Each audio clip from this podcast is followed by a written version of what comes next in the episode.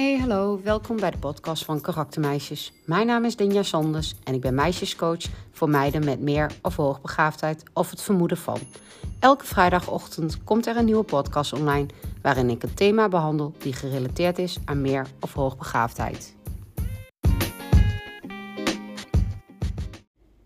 In deze aflevering ga ik het hebben over motivatie. Motivatie draagt bij aan het tot uiting komen van het hoogbegaafdheidspotentieel zoals ook in het drie ringen model van Renzulli is. Want daar heb je creativiteit, motivatie en bijzondere capaciteiten.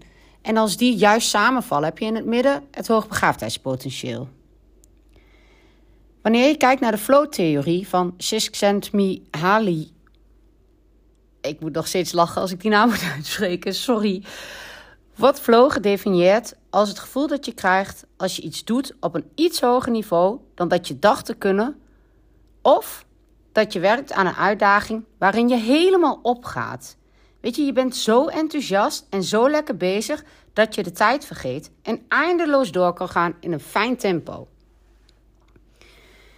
En hij geeft ook aan dat wanneer je onvoldoende cognitieve uitdaging krijgt, je geen vaardigheden hoeft in te zetten. En nu is het ook zo dat in de wetenschap is er ontzettend veel onderzoek gedaan naar motivatie. Zo wordt er bijvoorbeeld ook beschreven dat iemand die intrinsiek gemotiveerd is, dus echt vanuit zichzelf, een activiteit uitvoert omdat zij er plezier in heeft. Of er een persoonlijke betekenis aan ontleent.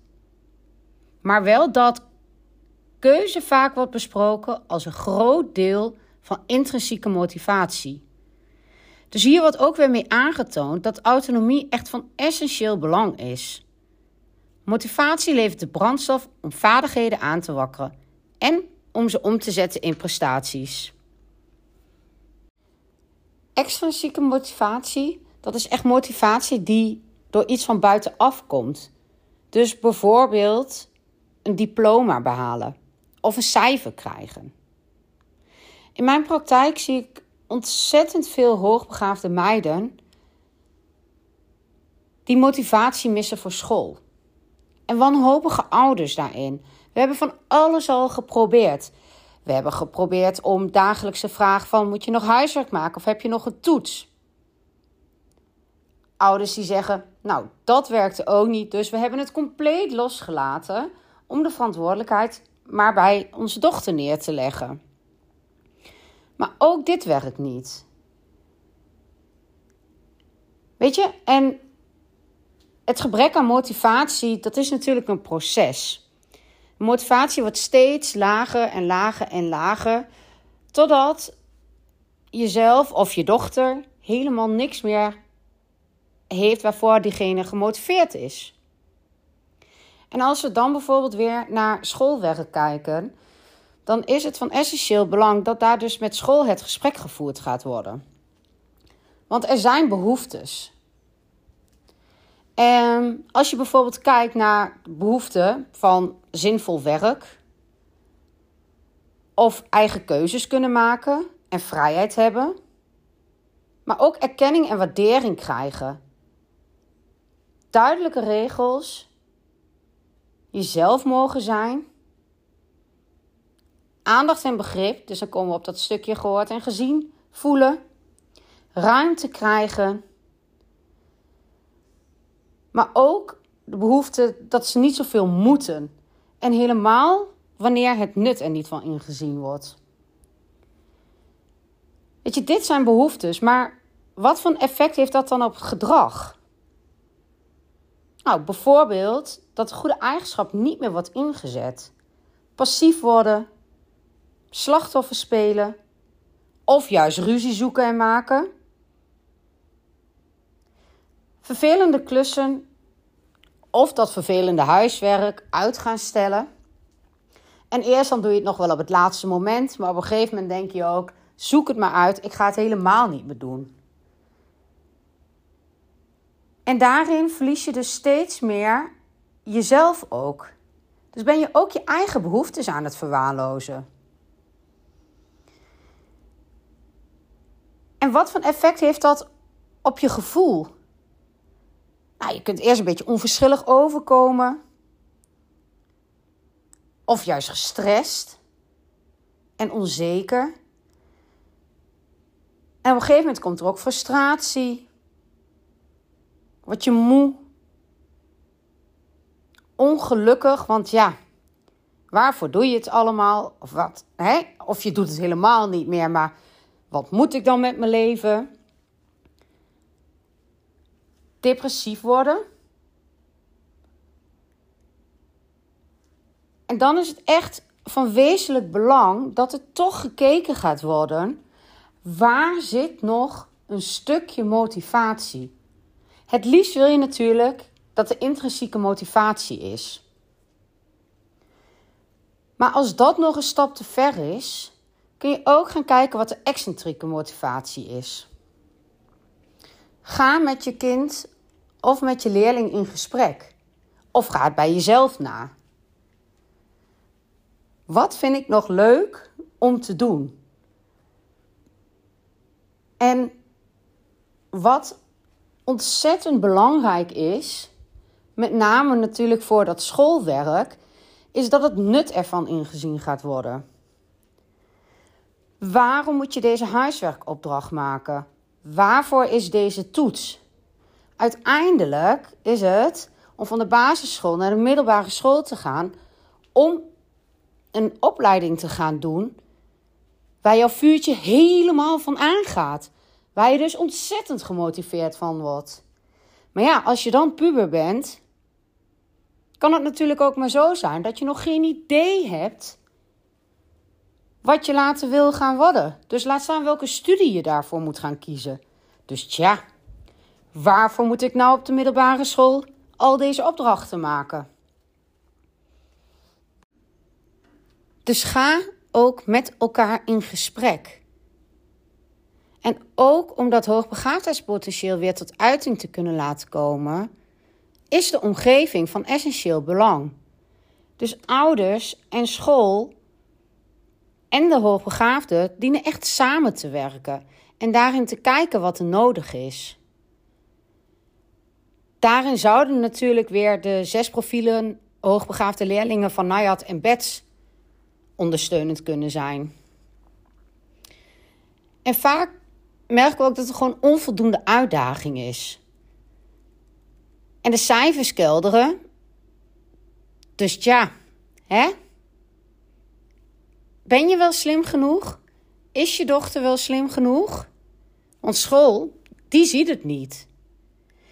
En toch is het van belang, wanneer je weet dat je dochter hoogbegaafd is, dat er wel gekeken gaat worden of er bijvoorbeeld versneld dient te worden. Al is het in één vak. Of dat er verdieping of verrijking gaat plaatsvinden. Want kijk naar het individu wat helpend en passend is met betrekking tot intrinsieke motivatie. En daarin kan echt compacte, verrijken, verdiepen helpend in zijn. Want bij hoogbegaafde leerlingen gaat het vuurtje vaak echt aan wanneer de hogere denkorde verwacht wordt van ze. En de herziene versie van de taxonomie van Bloom, die heeft bijvoorbeeld zes niveaus waarin onthouden, begrijpen, toepassen, analyseren, evalueren en creëren aan bod komen.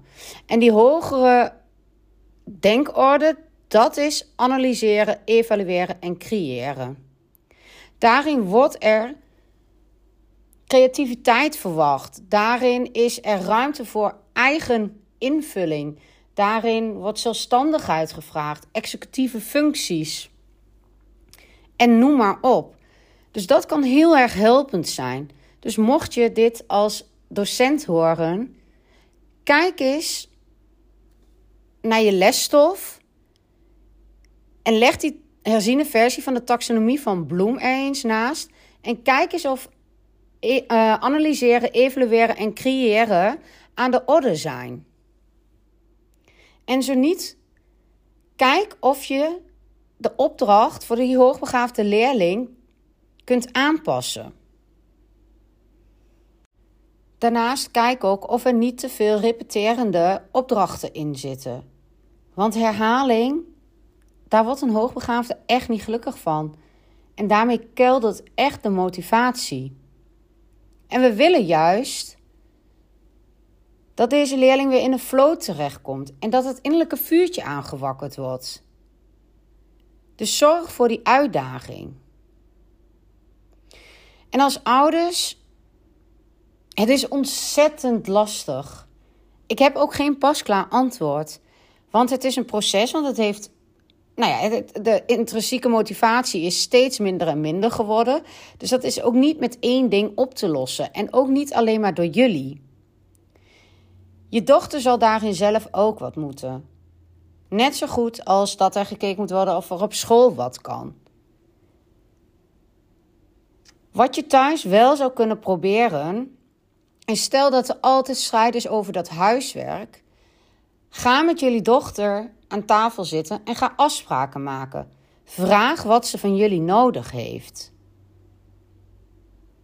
Is het elke dag vragen of ze haar huiswerk heeft gemaakt? Of is het compleet losmaken of alles wat er tussenin zit?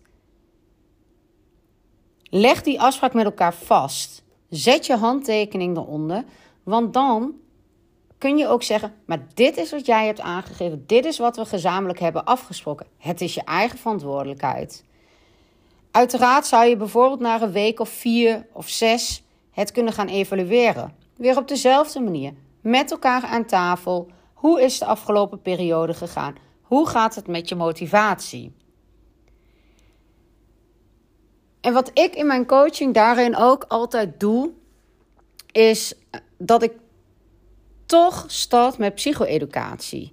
Want heel veel meiden die weten dat ze hoogbegaafd zijn, hebben nog helemaal geen psycho-educatie gehad. Dus ze hebben ook soms geen idee wat de mooie kwaliteiten van hoogbegaafdheid zijn, maar ook wat ze nodig hebben en wat de valkuilen zijn.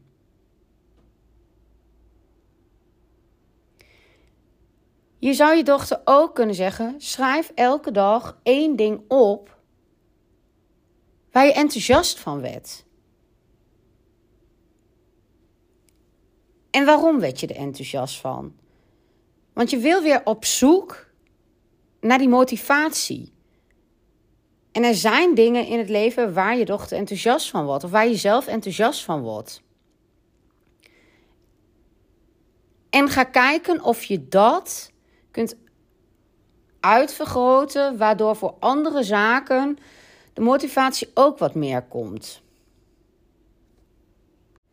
En weet je, uit diverse onderzoeken is gebleken dat hoogbegaafde leerlingen erg veel waarde hechten aan uitdaging, keuze, interesse, maar ook zeker plezier en persoonlijke betekenis in hun eigen onderwijsaanbod. En twee weken terug hoorde ik echt een fantastisch verhaal. Een docent die had een vrij ongemotiveerde leerling, maar voor haar vak was hij wel echt getalenteerd. Alleen deze hoogbegaafde leerling, die zag echt het nut niet van bepaalde steeds terugkerende opdrachten in zijn werkboek. De opdrachten vond hij te lang, te repetitief en daarom dus saai en voor hem nutteloos. Deze docent is het gesprek aangegaan en deze jongere die kon eigenlijk heel erg goed reflecteren op zijn eigen werk en op zijn werkhouding voor haar vak. En ze heeft uiteindelijk hem de mogelijkheid gegeven om alleen de opdrachten te maken die hij zinvol vindt om op die manier versneld door alle hoofdstukken heen te kunnen werken. En het resultaat was dat deze leerling geen aansporing meer nodig had van de docent om aan het werk te gaan. Hiermee wordt ook weer aangetoond dat die autonomie, dus zelfstandig keuzes mogen maken, van essentieel belang is en daarmee de intrinsieke motivatie wordt vergroot.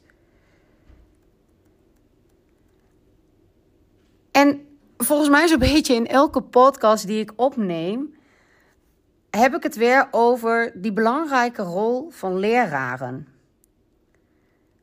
Want ook uit onderzoek is weer gebleken dat wanneer leraren betrokken zijn bij hun leerling, interesse in hen tonen, maar ook emotionele steun bieden en inspelen op hun behoeften, dat de motivatie weer vergroot wordt.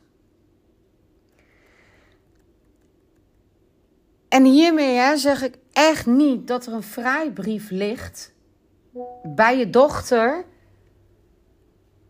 of bij die hoogbegaafde leerling, maar wel dat het samen gedaan moet worden. Dus resume. Kijk waar er nog wel motivatie voor is. Laat het nut inzien van de activiteit, van de opdracht. Positieve bekrachtiging, inzicht in eigen kwaliteiten, maar ook vergrote autonomie Ga op school in gesprek. En soms, hoe moeilijk als ouders ook, dien je het los te laten. En zullen ze echt zelf moeten ervaren, dus plat gezegd op hun bek gaan, voordat je weer vooruit kunt.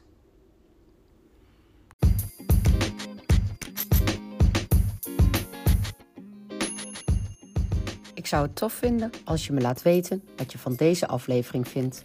Dit kan bijvoorbeeld door middel van een berichtje via Instagram of Facebook, karaktermeisjes, maar ook door de aflevering op Spotify te beoordelen met het aantal sterren dat jij het waard vindt.